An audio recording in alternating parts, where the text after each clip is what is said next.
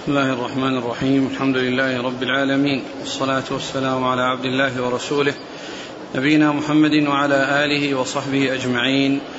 أما بعد فيقول الحافظ ابن حجر العسقلاني رحمه الله تعالى في كتابه بلوغ المرام من أدلة الأحكام باب الخلع. عن ابن عباس رضي الله عنهما أن امرأة ثابت بن قيس أتت النبي صلى الله عليه وآله وسلم فقالت يا رسول الله ثابت بن قيس ما أعيب عليه في خلق ولا دين ولكني أكره الكفر في الإسلام. فقال رسول الله صلى الله عليه وآله وسلم أتردين عليه حديقته؟ قالت نعم. قال رسول الله صلى الله عليه وآله وسلم اقبل الحديقة وطلقها تطليقه. رواه البخاري. وفي رواية له وأمره بطلاقها. ولأبي داود والترمذي وحسنه أن امرأة ثابت بن قيس اختلعت منه فجعل النبي صلى الله عليه وآله وسلم عدتها حيضة. وفي رواية عمرو بن شعيب عن أبيه عن جده رضي الله عنه عند ابن ماجه أن ثابت بن قيس كان دميما وأن امرأته قالت لولا مخافة الله إذا دخل علي لبصقت في وجهه ولأحمد من حديث سهل بن أبي حثمة رضي الله عنه وكان ذلك أول خلع في الإسلام بسم الله الرحمن الرحيم الحمد لله رب العالمين وصلى الله وسلم وبارك على عبده ورسوله نبينا محمد وعلى آله وأصحابه أجمعين. أما بعد فهذا الباب باب الخلع. والخلع هو فسخ النكاح بعوض. والنكاح ينتهي النكاح على التأبيد ولكنه ينتهي بالخلع وينتهي بالطلاق وينتهي بالموت. هذه هي الأمور التي يكون بها يعني انتهاء انتهاء النكاح. التي يكون بها انتهاء النكاح إما بخلع وهو على عوض أو بتطليق أو بخلع أو بتطليق أو بموت. بهذا يكون يعني انتهاء انتهاء النكاح. والخلع آه، أورد فيه هذا الحديث في قصة ثابت بن قيس بن شماس رضي الله عنه. وثابت بن قيس بن شماس رضي الله عنه كان جهوري الصوت. يعني خلقة جبله الله على أن صوته جهوريا. وكان لما نزل قول الله عز وجل يا أيها الذين آمنوا لا ترفعوا أصواتكم فوق صوت النبي ولا تجهروا له بالقول كجهر بعضكم لبعض وتحبط أعمالكم وأنتم لا تشعرون. خشي أن يكون ممن عني في هذه الآية لأنه كان يرتفع صوته خلقة. وليس يعني إلا وليس قصدا فكان يخاطب النبي صلى الله عليه وسلم ويتكلم عنده بصوت مرتفع كما جبله الله عز وجل على ذلك. فخشي أن يكون ممن عني بهذه الآية وخشي أن يكون قد يحبط عمله. فالرسول فاختفى آه، في بيته وجلس في بيته لا يخرج فإن ثم إن الرسول صلى الله عليه وسلم فقده. الرسول عليه الصلاة والسلام فقده. وقال لسعد بن عبادة يعني آه، سأله عن ثابت بن قيس بن شماس فقال أنا أتيك بخبره فذهب ووجده في بيته يبكي. فسأله فقال إنه نزلت هذه الآية وأنه خشي أن يكون ممن عني بها. فجاء وأخبر النبي صلى الله عليه وسلم بذلك وقال إنه ليس كذلك إنه من أهل الجنة. فشهد له الرسول عليه الصلاة والسلام بالجنة. ويعني بهذا الحديث الذي آه، كان يعني آه، سببه أنه كان جلس في بيته يبكي خشي أن يكون ممن حبط عمله لأنه لأن صوته مرتفع ويخاطب النبي صلى الله عليه وسلم بصوت مرتفع. هذا الصحابي الجليل الذي هو من أهل الجنة رضي الله عنه وأرضاه جاءت زوجته إلى رسول الله عليه الصلاة والسلام وقالت إنها إنها تكره تكره الكفر في الإسلام. هذه إيش؟ لفظ الحديث؟ ولكني أكره الكفر في الإسلام. إن زوجي قالت يا رسول الله ثابت بن قيس ما أعيب عليه في خلق ولا دين ولكني أكره الكفر في الإسلام. تخبر أنها ما كانت تعيب عليه لا في خلق ولا دين.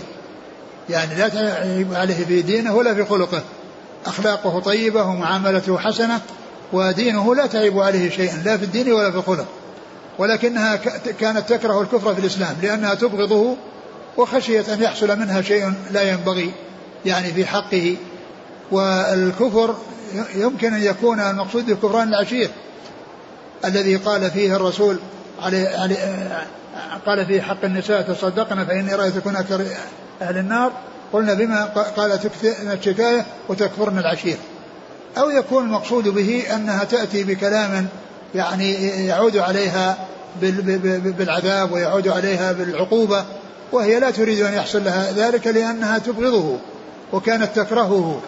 فالرسول عليه الصلاة والسلام آه، أرشدها أو طلب أو عرض عليها أن ترد عليه الحديقة وهي الصداق الذي دفع دفعه لها. فأجابت بأنها آه، توافق على ذلك. فقال لثابت خذ الحديقة وطلقها تطليقة يعني أنها تردها عليه وتعود إلى إلى ملكه ويطلقها تطليقة. ف فحصل يعني ذلك وهذا يقال له فسخ. وهو فسخ في الحقيقة وليس بطلاق. يعني إنه ليس بطلاق يعتد به ولكنه يحصل عنده سواء وجد الطلاق أو لم يوجد. المهم أن يكون الفسخ والاتفاق على الفسخ وأن ترد عليه يعني الشيء الذي ترده عليه سواء الذي أخذه منها أخذته منه أو أقل منه أو أكثر. لأنه جاء في القرآن فيما افتدت به فلا جناح عليهما فيما افتدت به. ولكنه إذا كان في حدود ما دفع أو أقل هذا حسن ومناسب وإن كان زائدا على ذلك فإنه ليس من من الأخلاق الطيبة وليس من المعاملة الحسنة. يعني كون الإنسان يأخذ أكثر مما أعطى. يعني إذا كانها سلعة يعني يساوم عليها ويحصل أموالا بسببها هذا ليس من مكارم الأخلاق. ولكن في حدود ما دفع أو أقل من ذلك هذا لا بأس به. والله عز وجل جعل الطلاق ثلاثا. فذكر طلقتين قال الطلاق مرتان فإمساك بمعروف أو تسريح بإحسان ولا ولا ولا يحل لكم أن تأخذوا من آتيهما شيئا إلا أن يخاف لا أن يخاف لا يقيم حدود الله. ثم بعد ذلك قال فإن طلقها فلا تحل له لأنه لو كانت الفسخ طلاق لكانت الطلقات أربعة وهو إنما ذكر ثلاث ذكر الأولى والثانية ثم ذكر بينهما الفسخ الذي يعني لا يحسب من الطلقات ثم ذكر بعد ذلك الطلقة الثالثة التي إذا أتى بها فإنها تبين منه بينونة كبرى ولا تحل له إلا بعد زوج بعد رجل يتزوجها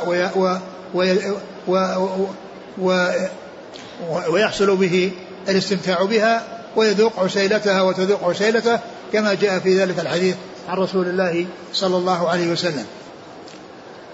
فإذا هذا هو الخلع وهو يعني فسخ العقد على عوض فسخ العقد على عوض وتكون آه، يعني آه، ويستبرأ وتستبرأ بحيضة واحدة لأنها ليس لها عدة الطلاق وإنما لها حيضة واحدة يعني يتبين فيها براءة رحمها وقد بانت بينونة صغرى بينونة صغرى يعني أنه يعني آه، لا يحل لا ليست رجعية لا يتمكن من الرجوع إليها ولكنه يمكن أن يعقد عليها يعني وأن يعقد عليها من جديد.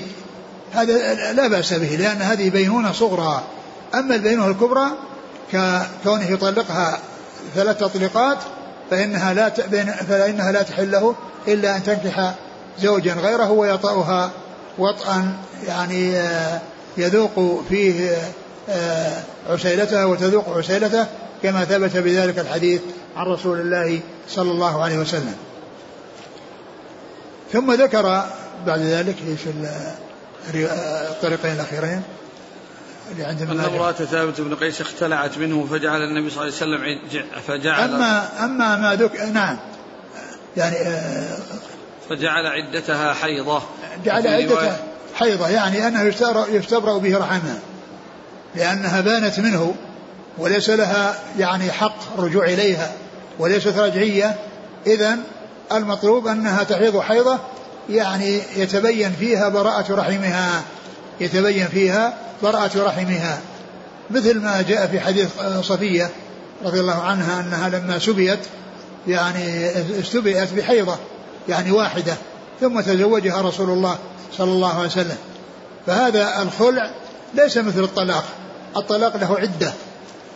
والخلع يعني فيه حيضة واحدة هي من أجل استبراء الرحم وإلا فإنها بانت منه بينونة صغرى بالاتفاق على الفسخ واتفاقهما على الخلع فإنها تبين منه بينونة صغرى معنى البينونة الصغرى أنها لا يحتاج إلى أن يتزوجها وتعود إليه بعد زوج وإنما يمكن أن يعقد عليها من جديد سواء كانت يعني آه، في الحيضة أو بعد الحيضة لأنها بمجرد الاتفاق على الفسخ صارت بانت منه بينة صغرى فلا يمكن أن يرجع إليها لا يعني لا في حال حيضتها هذه ولا فيما بعد ذلك. وفي رواية عمرو بن شعيب عن أبيه عن جده عند ابن ماجه أن ثابت بن قيس كان دميما وأن امرأته قالت لولا مخافة الله إذا دخل علي لبصقت في وجهه. وهذا حديث وهذه غير صحيح غير ثابت. ويعني هذا فيه يعني وكان من من عدم محبتها له أنه ليس بجميل. لكن هذا الكلام الذي ذكر في الحديث أنها تبصق في وجهه هذا غير صحيح. وغير ثابت لأنه من طريق الحجاج آه، بن أرطات وهو وهو كثير الأوهام والتدليس. وقد روى بالعنعنة. نعم. ولأحمد بن حديث سهل بن أبي حثمة وكان ذلك أول خلع في الإسلام. وأيضا هذا من طريق آه، آه، الحجاج بن أرطاة فهو غير ثابت كالذي قبله. نعم. قال رحمه الله تعالى باب الطلاق. عن ابن عمر رضي الله عنهما أنه قال قال رسول الله صلى الله عليه وآله وسلم أبغض الحلال إلى الله الطلاق. رواه أبو داود وابن ماجه وصححه الحاكم ورجح أبو حاتم إرساله. ثم قال كتاب باب الطلاق. الطلاق اسم مصدر من التطليق. كالكلام والتكليم والسلام والتسليم. فالتسليم والتكليم ويعني والتطليق هذه مصادر. وأما الطلاق والسلام والكلام فهذه أسماء مصادر. فاذا الطلاق يعني هو اسم مصدر من التطليق. وهو يعني حل عقدة الزواج حل عقدة حل عقدة الزواج. يعني أنه أن أنه قبل قبل الزواج قبل النكاح قبل الطلاق كان كان الحكم النكاح مستمرا لأن لأنه على الدوام وليس له نهاية إلا بالطلاق أو الخلع أو بالموت. هذه نهاية النكاح. ويعني وهذا الذي هو الطلاق هو حل عقدة النكاح. يعني يعني بالتطليق. ف أورد فيه هذا الحديث عن عن عن ابن عمر. عن ابن عمر رضي الله عنهما أن النبي صلى الله عليه وسلم قال أبغض الحلال إلى الله الطلاق. أبغض الحلال إلى الله الطلاق.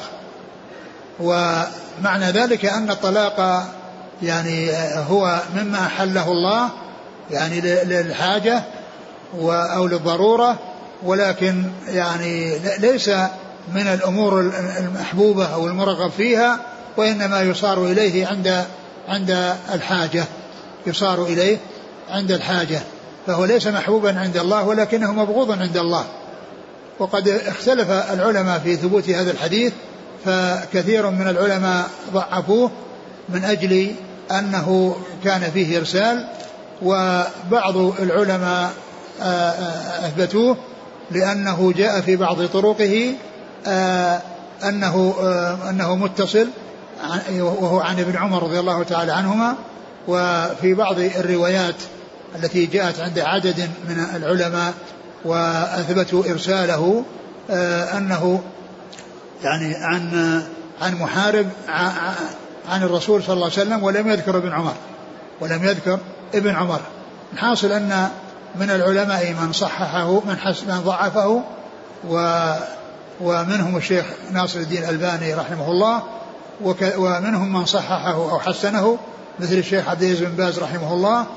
فالذين ضعفوه قالوا أن, أن, أن أنه مرسل وأن الذين أرسلوه أكثر وأنه يكون غير متصل لأنه لم لم يذكر فيه الصحابي.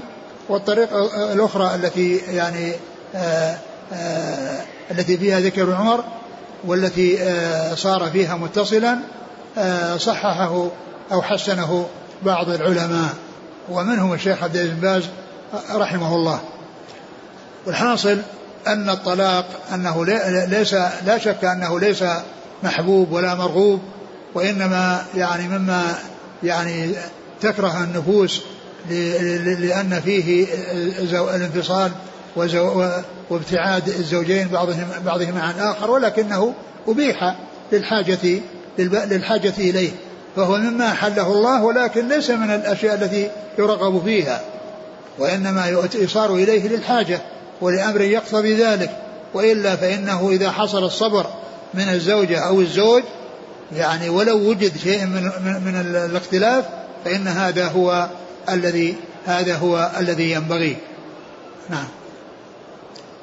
قيل ومثل هذا يعني مثل الإنسان الذي يصلي يصلي الفرائض في بيته ولا يأتي للمسجد فإن هذا يعني هو ساهق وصحيح والصلاة صحيحة ولا يقال إنه يعني غير مصلي بل هو مصلي ولكنه ترك أمرا واجبا فكان هذا أيضا يعني من من من, من الشيء الذي هو حلال ولكنه يعني آآ آآ مبغوض وغير مرغوب فيه نعم.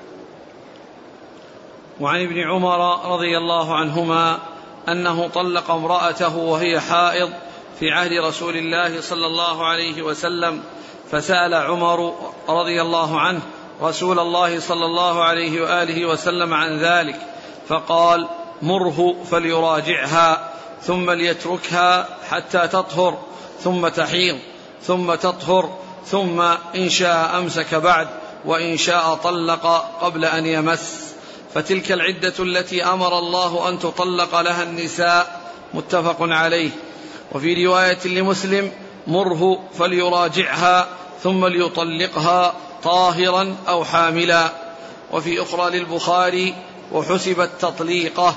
وفي رواية لمسلم قال ابن عمر أما أنت طلقتها واحدة أو اثنتين فإن رسول الله صلى الله عليه وسلم أمرني أن أراجعها ثم أمسكها حتى تحيض حيضة أخرى.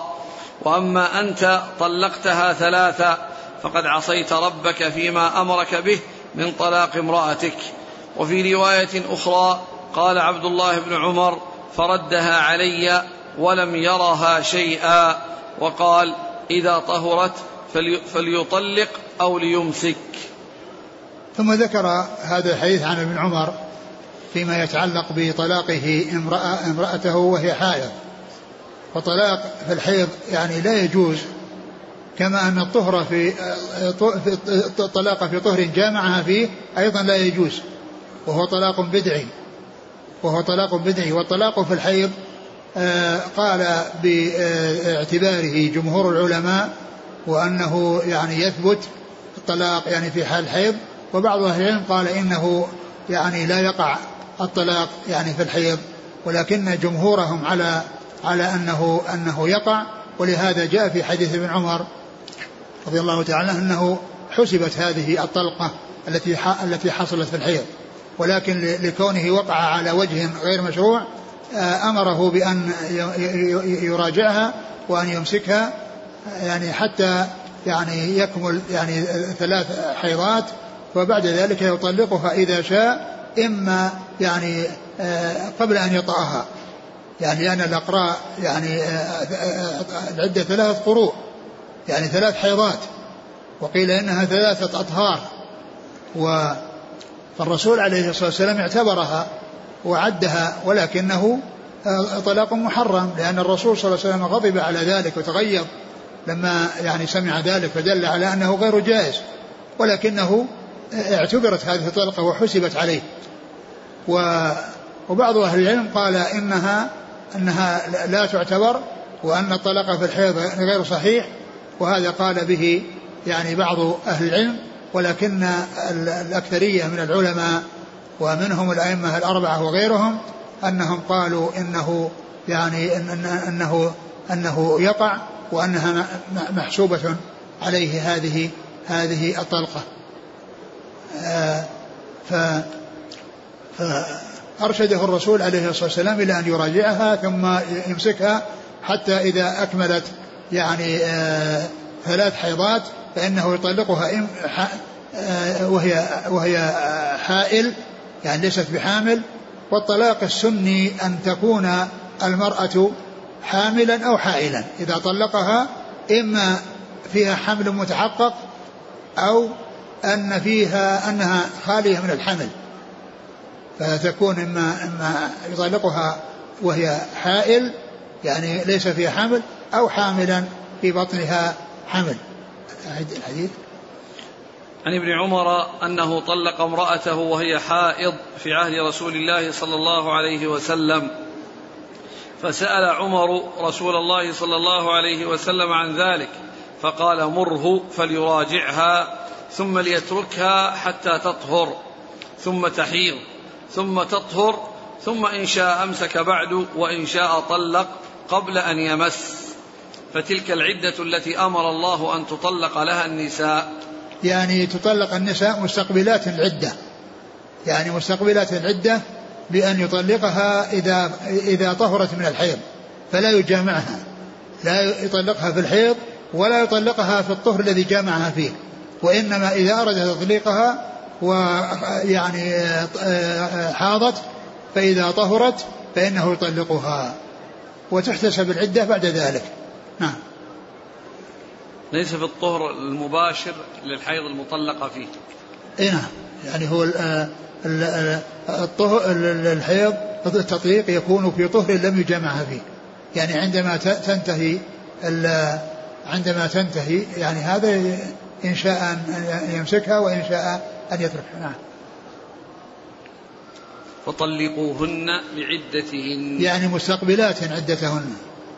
يعني مستقبلات عدتهن بأن تكون حاملا وعدتها وضع الحمل أو تكون آه، آه، خرجت من من من الحيض وطهرت من الحيض فيطلقها حتى لا يكون مطلقا لها في طهر جامعها فيه.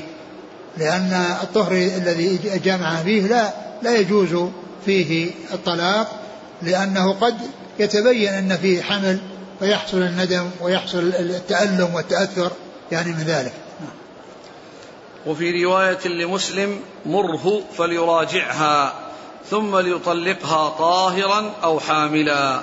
نعم حامل طاهرا أو حاملا. يعني أن هذا هو هذا هو الطلاق الشرعي. الذي هو السني غير البدعي أن تكون حاملا أو حائلا. وفي أخرى للبخاري وحسبت تطليقه. يعني الطلقة التي طلقها في الحيض. نعم. وفي رواية لمسلم قال ابن عمر أما أنت طلقتها واحدة أو اثنتين فإن رسول الله صلى الله عليه وسلم أمرني أن أراجعها ثم أمسكها. حتى تحيض حيضة أخرى. وأما أنت طلقتها ثلاثا فقد عصيت ربك فيما أمرك به من طلاق امرأتك. ثم ذكر يعني هذه الرواية عند من؟ المسلم. نعم عند مسلم. قال قال ابن عمر أما أنت طلقتها واحدة أو اثنتين فإن رسول الله صلى الله عليه وسلم أمرني أن أراجعها ثم أمسكها حتى تحيض حيضة أخرى وأما أنت طلقتها ثلاثا يعني سئل ابن عمر عن رجل يعني طلق يعني زوجته وقال أنك طلقتها واحدة أو اثنتين فلك أن تراجعها لأن لأنه بقي طلقة بقي طلقة ثالثة. يعني ف يعني فإذا طلقها واحدة فله أن يراجع وإذا طلقها اثنتين الثانية يعني فله أن يراجع. وأما بعد ذلك ليس فيه إلا البينونة. البينونة الكبرى إذا كانت آه، بعد الثالثة.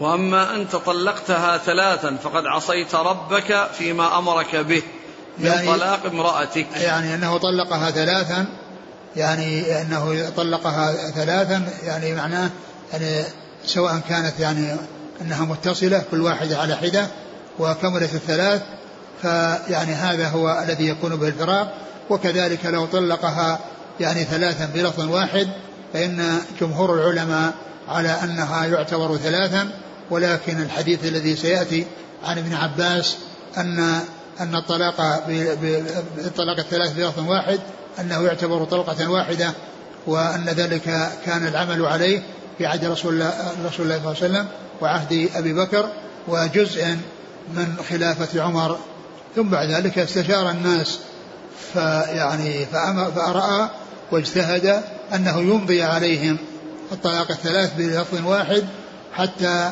يعني لا يستمرئوه وحتى لا يتساهلوا فيه ويتهاونوا في أمره. وفي رواية أخرى قال عبد الله بن عمر فردها علي ولم يرها شيئا. وقال إذا طهرت فليطلق أو ليمسك. ثم جاء في هذه الرواية قوله قال فردها علي ولم يرها شيئا. يعني آآ آآ ليس المقصود من قول لم يرها شيئا يعني معناه أنها ملغاة لأن هذا مخالف للأحاديث التي مرت وأنه اعتبرها وأنه اعتبرها. فاذا تلك الأحاديث هي التي عليها المعول وأما قوله لم يرها شيئا على اعتبار أن الطلاق ما وقع فهذا يعني مخالف للروايات التي فيها المراجعة وأنها محسوبة عليه. وعن ابن عباس رضي الله عنهما قال كان الطلاق على عهد رسول الله صلى الله عليه وسلم وأبي بكر وسنتين من خلافة عمر طلاق الثلاث واحدة. فقال عمر بن الخطاب إن الناس قد استعجلوا في أمر كانت لهم فيه أناه. فلو أمضيناه عليهم فأمضاه عليهم رواه مسلم. ثم ذكر هذا الحديث الذي يتعلق بطلاق الثلاث بلفظ واحد. طلاق الثلاث بلفظ واحد قال إنه كان على عهد رسول الله صلى الله عليه وسلم وعهد أبي بكر وصدر أو جزء من خلافة عمر أنه كان الطلاق الثلاث واحدة وأنه في عهد عمر كثر تساهل الناس في ذلك فاستشار الصحابة وقال إنهم إن الناس استعجلوا في أمر كانت لهم فيه أنات فلو أمضيناه عليهم. يعني تأديبا لهم. وهذا باجتهاد عمر. وقد جاء قال جمهور العلماء بهذا الذي جاء عن عمر. وجاء عن بعضهم آه، أن المعول عليه ما جاء في أول حديث ابن عباس من ذكر أن الطلاق الثلاث كان واحدة في عهده صلى الله عليه وسلم وعهد أبي بكر. وصدر من خلافة عمر فإذا الذي ثبت أنه من فعل رسول الله صلى الله عليه وسلم ومن فعل أبي بكر ومن فعل عمر في أول خلافته مقدم على هذا الذي اجتهد فيه عمر ورأى أنه يمضي أنه أنه يمضيه عليهم رضي الله تعالى عنه وأرضاه. نعم.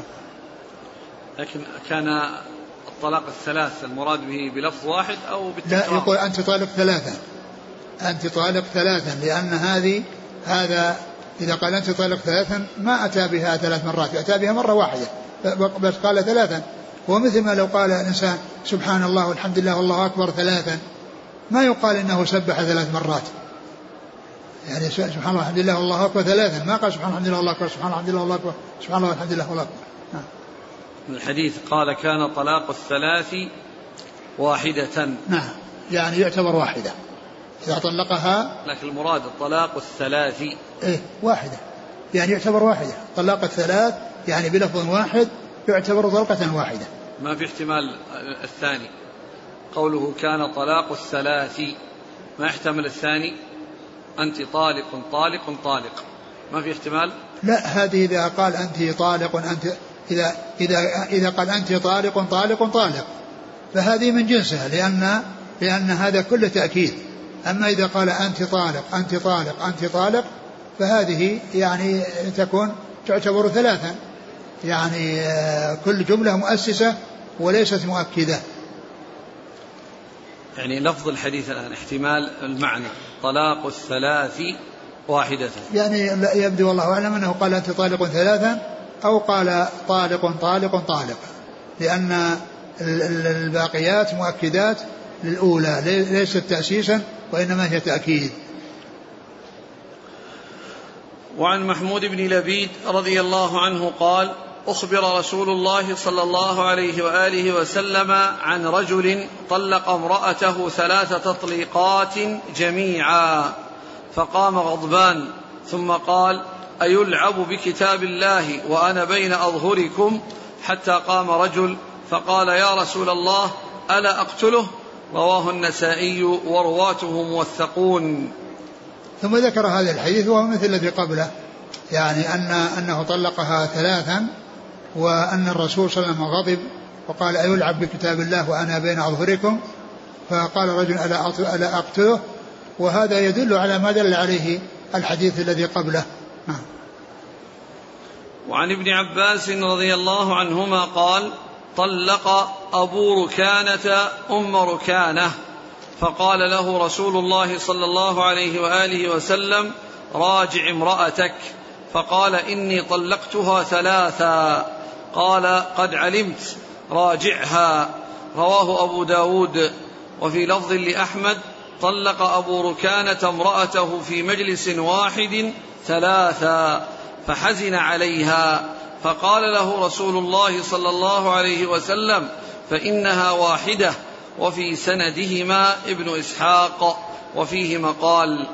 وقد روى أبو داود من وجه آخر أحسن منه أن ركانة طلق امرأته سهيمة البتة فقال والله ما أردت بها إلا واحدة فردها إليه النبي صلى الله عليه وسلم.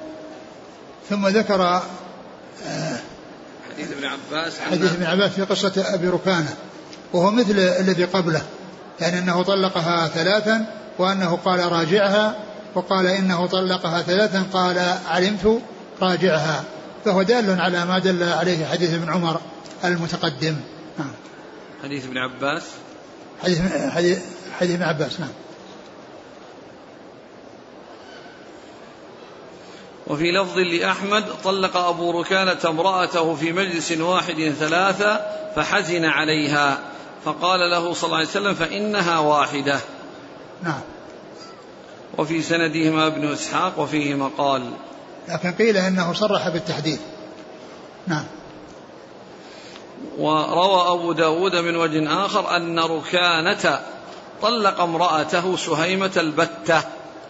فقال والله ما أردت بها إلا واحدة فردها إليه النبي صلى الله عليه وسلم. وهذا وهذا يعني ذكر يعني الحديث القصة واحدة ولكن هناك ذكر يعني ثلاثا وهنا قال البتة يعني كأنه مثل مثل ما تقدم أنه طلقها ثلاثا وأنه يعتبرها إن انتهت وأنها طلقت والرسول عليه الصلاة والسلام قال إنها واحدة وأمره بمراجعتها. أبو ركانة وركانة. في الرواية أبو ركانة أم ركانة. إيه نعم. في رواية أبي داود أن ركانة طلق امرأته. قصتان ولا واحدة؟ لا أدري. وعن أبي هريرة رضي الله عنه قال قال رسول الله صلى الله عليه وآله وسلم ثلاث جدهن جد. وهزلهن جد النكاح والطلاق والرجعة. رواه الأربعة إلا النسائي وصححه الحاكم. وفي رواية لابن عدي من وجه آخر ضعيف الطلاق والعتاق والنكاح. وللحارث بن أبي أسامة من حديث عبادة بن الصامت رضي الله عنه رفعه لا يجوز اللعب في ثلاث الطلاق والنكاح والعتاق. فمن قالهن فقد وجبن وسنده ضعيف. ثم ذكر هذا الحديث الذي يتعلق بالهزل بالطلاق وأنه كالجد.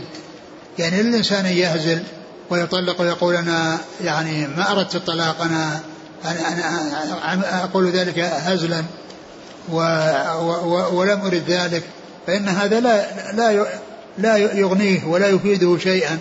لأنه لو كان الأمر كذلك كان كل واحد يعني يحصل منه طلاق يقول أنا لست جاد أنا هازل. فجاء الشرع في بيان أن أن أن الجد والهزل كله سواء حتى لا يحصل التساهل في أمر الطلاق وأن لا يفتح أو يكون ذريعة إلى أن يطلق الإنسان ثم يدعي أنه ما كان جادا وإنما كان هازلا. فجاءت السنة في بيان أن الجد والهزل في مسألة الطلاق واحد فسواء طلق الإنسان جادا أو طلق هازلا فإنه يقع فإنه يقع الطلاق. قال ثلاث جدهن جد وهزلهن جد آه الطلاق والعتاق والرجعة. نعم اللفظ الأول النكاح والطلاق والرجعة. النكاح والطلاق والرجعة. وفي رواية أيوة هذا الأول نعم. ثلاث جدهن جد. نعم. ثلاث جدهن جد وهزلهن جد النكاح والطلاق والرجعة. نعم. وفي رواية لابن عدي من وجه آخر ضعيف الطلاق والعتاق والنكاح. وبعد الثالث وللحارث بن أبي أسامة من حديث عبادة بن الصامت لا يجوز اللعب في ثلاث الطلاق والنكاح والعتاق. نعم يعني هذه الأمور الأربعة يعني جاءت يعني في بعضها يعني ثلاثة وفي بعضها ثلاثة ولكن يعني كلها مجموعها أربعة وأنها يعني جاء جاءت إحداها إحداها في بعض الأحاديث وإحداها في بعض الأحاديث واثنتان جاءتا في يعني بقية الأحاديث وكلها الجد فيها جد والهزل والهزل فيها جد. وعن أبي هريرة رضي الله عنه عن النبي صلى الله عليه وآله وسلم أنه قال إن الله تجاوز عن أمتي ما حدثت به أنفسها ما لم تعمل أو تتك أو تكلم متفق عليه ثم ذكر هذا الحديث عن النبي صلى الله عليه وسلم أنه قال انه تجاوز لامتي ما حدثت به أنفسها ما لم تتكلم أو تعمل. فالمقصود من إراده هنا أن الطلاق في القلب أو نية الطلاق في القلب أنها لا تعتبر حتى يوجد تلفظ بالطلاق أو كتابة للطلاق أو كتابة للطلاق. يعني فإذا حصل كتابة الطلاق فإنه يقع وهذا فعل وإن حصل تلفظ بالطلاق فإنه يقع وهذا وهذا قول. ف يعني ف وأما ما يقع بالنفس وحديث النفس وكل إنسان تحدث نفسه أن يطلق أو أنه طلق في نفسه دون أن يتلفظ أو دون أن يكتب فإن هذا لا يقع لأن الله تجاوز عن حديث النفس. تجاوز عن حديث النفس. نعم. الكتابة. الكتابة هي عمل ويقع بها الطلاق. وعن ابن عباس رضي الله عنهما عن النبي صلى الله عليه وآله وسلم أنه قال إن الله وضع عن أمتي الخطأ والنسيان وما استكرهوا عليه. رواه ابن ماجه والحاكم وقال أبو حاتم لا يثبت. ثم ذكر هذا الحديث الذي يعني فيه كلام بعض أهل العلم يعني يعني حسنه. قال إن الله وضع لأمتي عن وضع عن أمتي الخطأ والنسيان. والنسيان وما استكرهوا وما استكرهوا عليه. يعني أن أن أن ما يحصل للإنسان من شيء استكره عليه فهو معذور وكذلك إذا كان ناسيا فهو معذور وإذا كان مخطئا أيضا فهو معذور. آه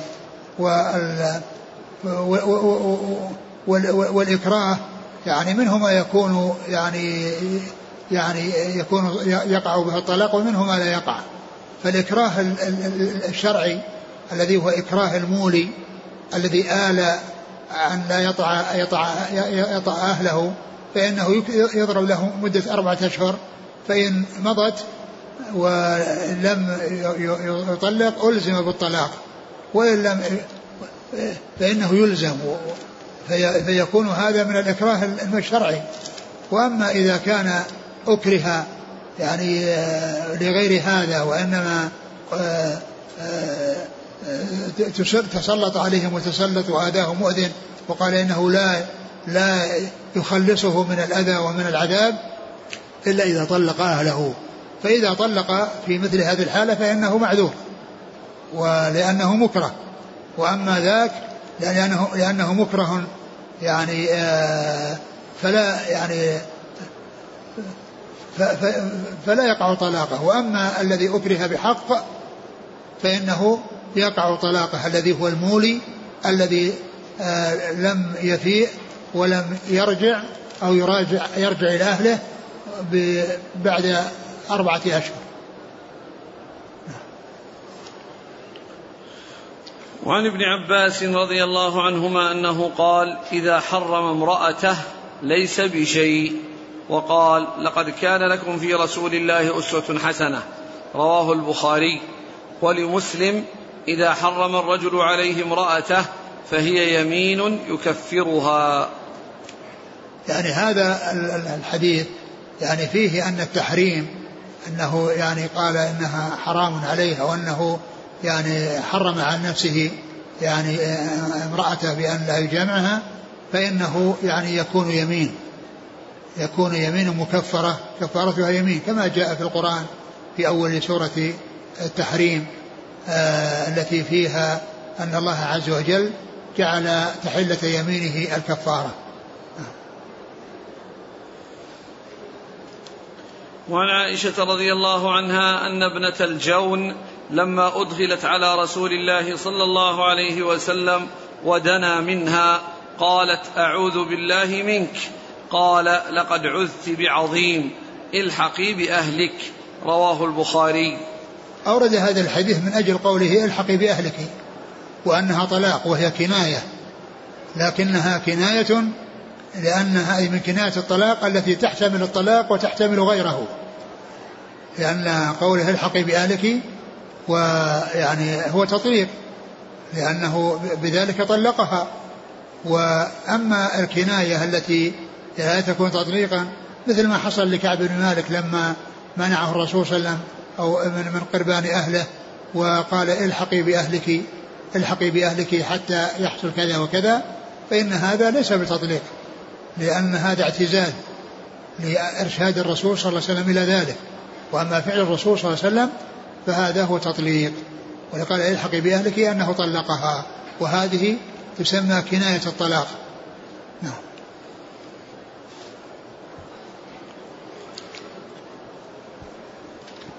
وعن جابر رضي الله عنه قال قال رسول الله صلى الله عليه وسلم لا طلاق إلا بعد نكاح ولا عتق إلا بعد ملك رواه أبو يعلى وصححه الحاكم وهو معلول. وأخرج ابن ماجه عن المسور بن مخرمة مثله وإسناده حسن لكنه معلول أيضا. نعم.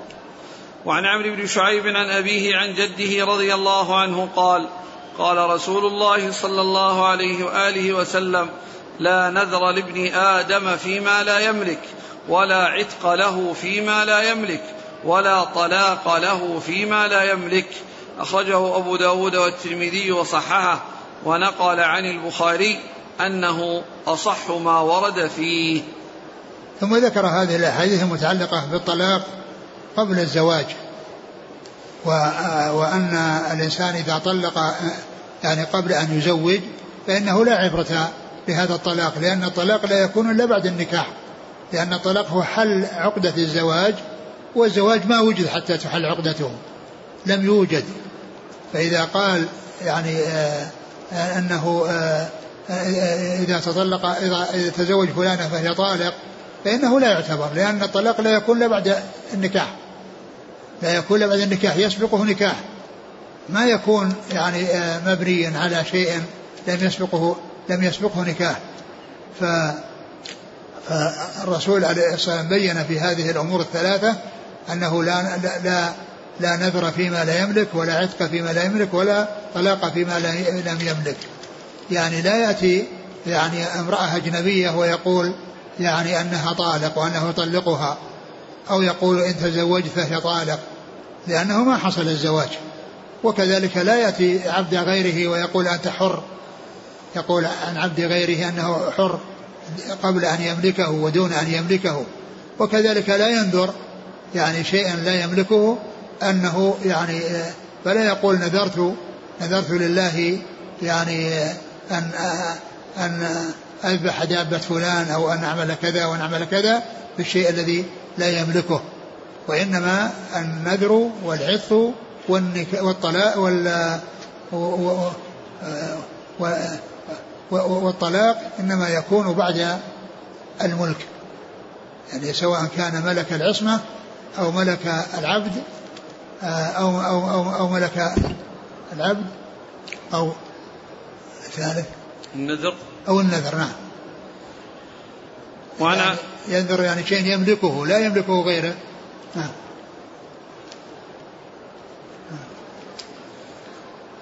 وعن عائشة رضي الله عنها عن النبي صلى الله عليه وآله وسلم أنه قال رفع القلم عن ثلاثة عن النائم حتى يستيقظ وعن الصغير حتى يكبر وعن المجنون حتى يعقل أو يفيق.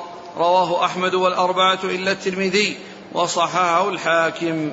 وهذا الحديث يعني جاء به هنا في الطلاق من أجل أن المجنون لو حصل منه طلاق فإنه لا يعتبر طلاقه لفقدان عقله. وكذلك ال آه، النائم إذا صار يهذي في نومه ويتكلم في نومه وسمع منه الطلاق وهو نائم فإن هذا لا عبرة به لأنه مرفوع عنه القلم. مرفوع عنه القلم. وكذلك الصغير حتى يبلغ. إلا أن الصغير إنما رفع عنه في في جانب العقوبة وجانب الإثم. وأما جانب البر وجانب المعروف فإنه يعني معتبر وثابت ولم ولا يقال إنه مرفوع عنه القلم.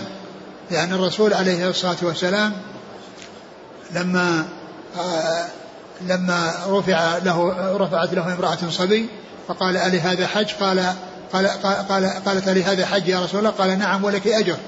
ودل على أنه يعني أن أن عمل البر أن هذا يعني ما يثبت له ويكون من قبيل آه، ما هو آه، من قبيل المستحبات. ولكن من حج به وهو صغير ثم بلغ يجب أن يحج أن يحج حجة الإسلام. لأنه لا يحصل ذلك إلا بعد أن بعد أن يحصل البلوغ ويحصل التكليف. رفع القلم. عن ثلاثة عن النائم حتى يستيقظ. والصغير يعني المميز يعني آه يعني آه الذي هو فاهم الطلاق وفاهم النكاح ومتزوج فإنه يعني طلاقه معتبر طلاقه معتبر لأنه مميز ولأن ولأنه يعني ليس مثل المجنون ومثل النايم الذي لا عقل عنده بل هذا عنده عقل ومتزوج وله أن يطلق وإذا طلق يصح ذلك. نعم. قال رحمه الله تعالى باب الرجعة.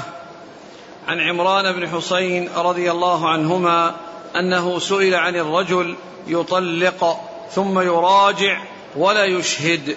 فقال أشهد على طلاقها وعلى رجعتها. رواه أبو داود هكذا موقوفا وسنده صحيح. نعم.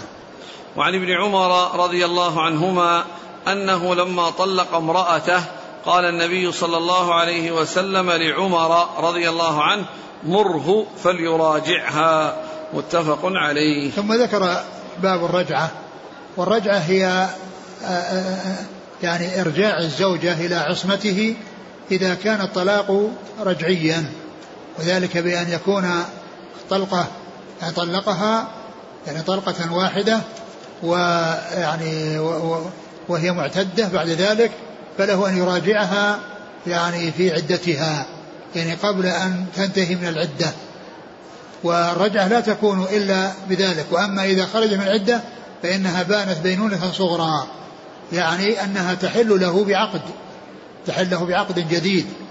وأما إذا كانت في الرجعة في, في, في مدة العدة فإنها مطلقة طلاقا رجعيا هي باقية في عصمته وباقية في ذمته.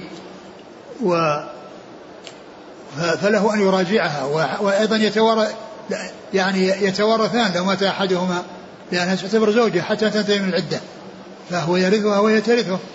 يعني ما دامت ما دامت في العدة لأن الطلاق الرجعي آه، الزوجة يعني آه، هي يعني تعتبر في عصمته ولو كان عنده أربع نساء ثم طلق واحدة منهن لا يجوز له أن يتزوج أخرى إلا بعد خروجها من العدة لأنه لو تزوج خامسة والمطلقة الرابعة في عدتها كان عنده خمس, خمس نساء في وقت واحد وهذا لا يجوز.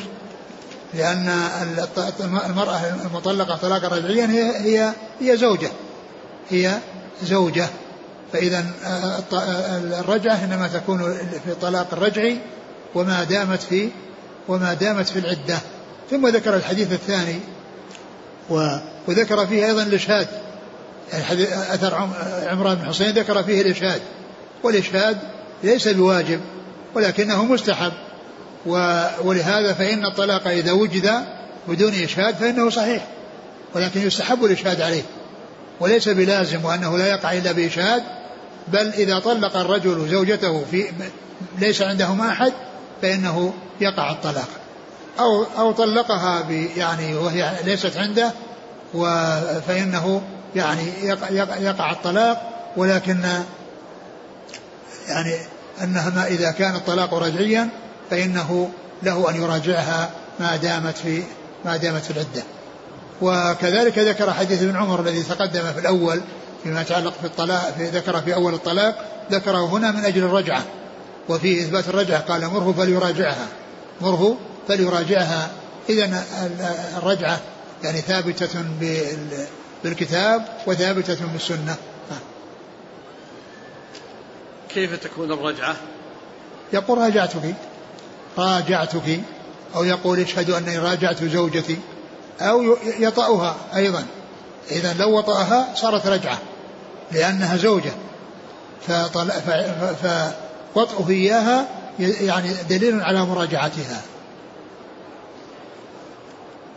حديث عمران بن حسين سئل عن الرجل يطلق ثم يراجع ولا يشهد.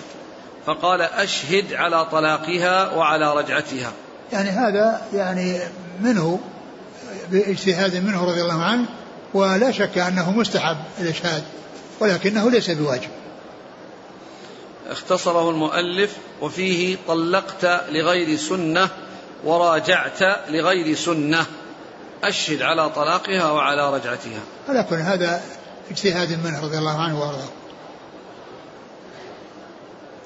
قال رحمه الله تعالى باب الإيلاء والظهار والكفارة. الله تعالى أعلم وصلى الله وسلم وبارك على عبده ورسوله نبينا محمد وعلى آله وأصحابه أجمعين. جزاكم الله خيرا وبارك الله فيكم ألهمكم الله الصواب ووفقكم للحق شافاكم الله وعافاكم ونفعنا الله ما سمعنا غفر الله لنا ولكم وللمسلمين أجمعين آمين.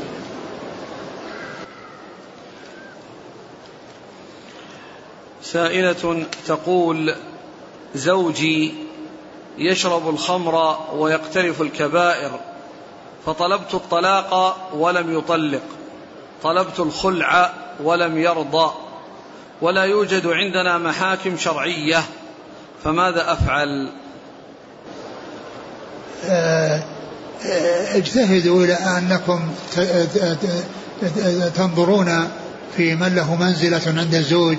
وله مكانه عند الزوج أنه يعني ترجعون إليه ويصلح بينكما ويحصل العمل منك على التخلص منه لأن من يكون هذا شأنه يعني فالسلامة منه أسلم وحيث لا ليس عندكم محاكم شرعية فإنكم تعملون على أو تعمل على أو تعملين على يعني معرفة أحد يعني له منزلة عنده.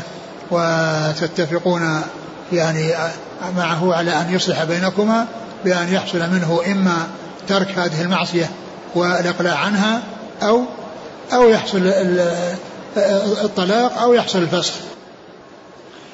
يقول ما الفرق بين الطلقة الواحدة في الأحكام وبين الخلع؟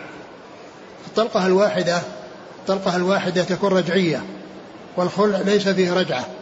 الطلقة الواحدة فيها يعني لها عدة معينة وتكون يعني آه، يمكن الرجوع فيها.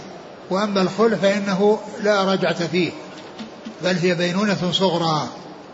ومن حين يعني يحصل الاتفاق يعني على الخلع فإنها يعني يكون الفراق يعني قد حصل. وإن أراد أو اتفق على الرجوع فله أن يتزوجها في العدة أو بعد العدة. هل يشترط في الخلع رضا الزوج؟ آه، معلوم أن أن الخلع ما يعني إذا ما حصل اتفاق مع الزوج يعني ما حصل خلع لأن لازم اتفاق الطرفين بأن هي يعني تقبل أنها هذا وهو يقبل أنه يعني يحصل خلع. لكن إذا ما إذا ما حصل منه ف والأمر يعني يتطلب آه، الفكاك والخلاص فإن الوالي أو القاضي يعني يلزمه إما بالطلاق أو بالخلع. وهل يجب أن يكون عند السلطان أي الخلع؟ عند القاضي عند نائب السلطان الذي هو القاضي. وإذا, وإذا اتفقوا على هذا ولو لم يكن عند السلطان يجوز ليس بلازم أن يكون عند القاضي. إذا اتفقوا على هذا وكتبوا فيما بينهم و فإن ذلك يحصل به الخلع لكن إذا كان عن طريق يعني القاضي لا شك أنه أولى. لكن ليس من شرطه أن يكون عند القاضي. إذا اختلعت المرأة من يعني زوج. مثل, مثل هذه المرأة التي يبادر إليها محاكم لو اتفقوا على الخلع خلاص انتهى. يتم. بدون أن يرجعوا إلى قاضي. إذا اختلعت المرأة من زوجها وكان قد طلقها من قبل فهل إذا تزوجها بعقد جديد تحسب عليه تلك الطلقات نعم الطلقات السابقة محسوبة عليه. حتى لو لو يعني طلقها طلاقا يعني آه، رجعيا وخرجت من عدة وتزوجت ثم طلقها زوجها فإنه يرجع إليها يعني آه، محسوب محسوب أنه مضى عليها طلقة التي كانت قبل الفسخ أو قبل أو أو بعد الزواج تطليقها من الزوج الذي تزوجها بعد أن طلقها وخرجت من العدة فإنها ترجع إليه وقد مضى عليها طلقة ويبقى له طلقتان. يعني له حتى تتم الثلاث. مع حساب حتى لو, ما حتى لو كان ثنتين لو كان ثنتين طلقها من قبل ثنتين وحصل طلاق أو حصل زواج. حصل زواج يعني ثم طلقها الزوج الثاني فإنها ترجع وليس بقي عليه إلا طلقة واحدة. أما إذا كان طلقها ثلاثا ثم نكحها زوج آخر غير لا ترجع بطلقات ثلاث بطلقات ثلاث جديدة. إذا كان طلقها ثلاثا وتزوج زواج رغبة وطلقها الزوج ثم تزوجها زوجها الذي حلت له بعد زواجها ولم يكن تحليلا فإنها ترجع تأتي بثلاث طلقات تستأنفها. يقول شخص بانت منه زوجته بينونة كبرى ثم عقد عليها شخص آخر ولم يدخل بها وطلقها. فهل يجوز لزوجها الذي بانت منه أن يعقد عليها من جديد. إحنا قلنا أن هذا لا بد فيه من الوطء لأنه جاء حتى تذوقي عسيلته وعسيلتك هل يشترط في الخلع التلفظ بالطلاق أو يكفي أخذ العوض فقط؟ ما ما ما يشترط الطلاق الطلاق وإنما يقول يعني يأخذ هذا ويقول انتهى الاتصال بيننا أو أو حصل فسخ أو تم الفسخ يؤتى بعبارة تدل على الاتفاق وعلى انتهاء انتهاء الأمر بينهم.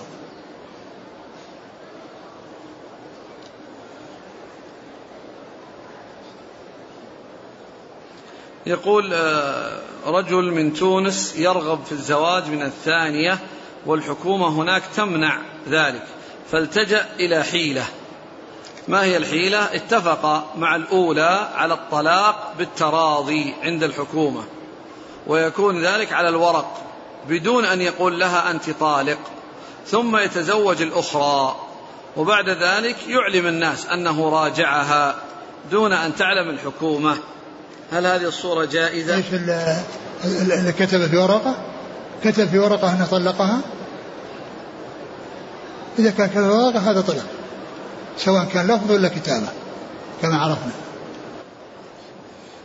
يقول فضيلة الشيخ هل استشارة عمر رضي الله عنه الصحابة في اعتبار الطلاق ثلاثا؟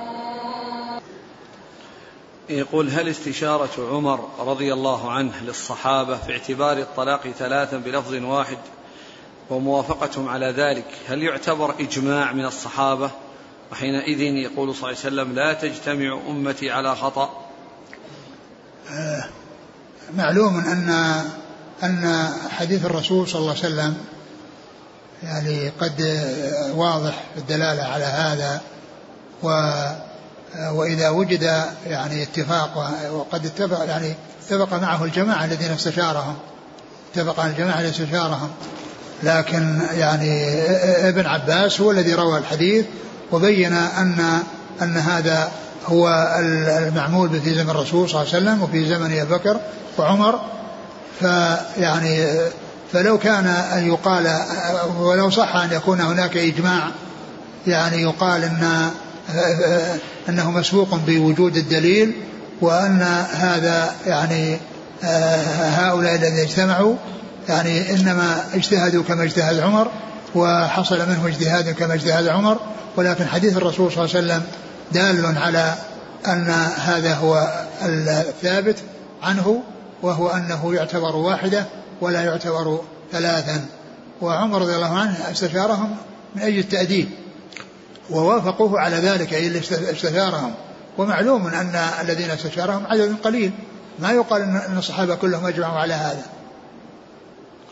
يقول شيخنا أحسن الله إليكم رجل طلق امرأته أكثر من ثلاث طلقات كلما طلقها أرغمه والداه على إرجاعها فيرجعها وهو غير راض فما حكم جلوسها معه وهو يطأها؟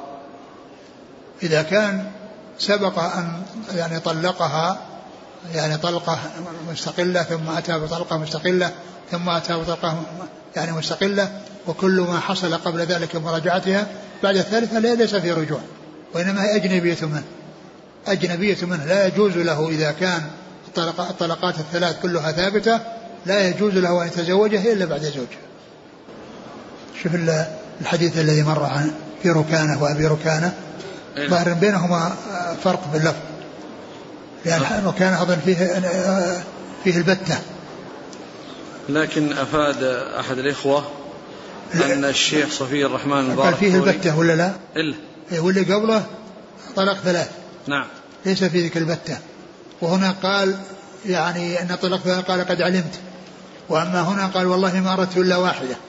ها؟ يبدو أنهما قصتان. إيش تقول؟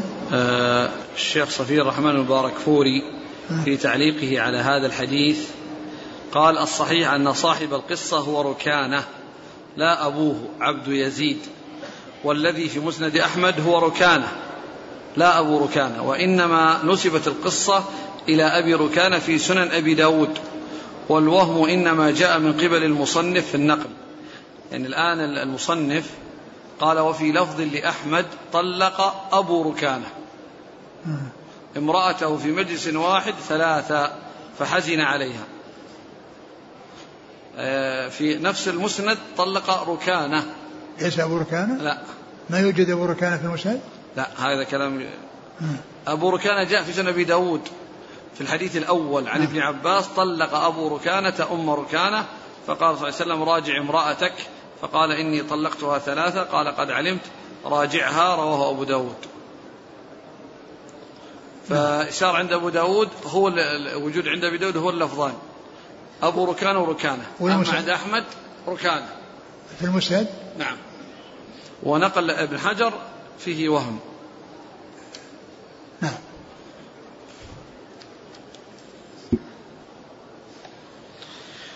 يسأل عن طلاق النفساء هل يقع أو لابد تنتهي من نفاسها؟ طلاق النفساء مثل طلاق الحائض. هل هناك فرق بين الفسخ والخلع؟ الفسخ هو الخلع. الخلع هو الفسخ. قد يكون فسخ بدون عوض. نعم. إذا كان فسخ بدون عوض يصير طلاق. يطلق.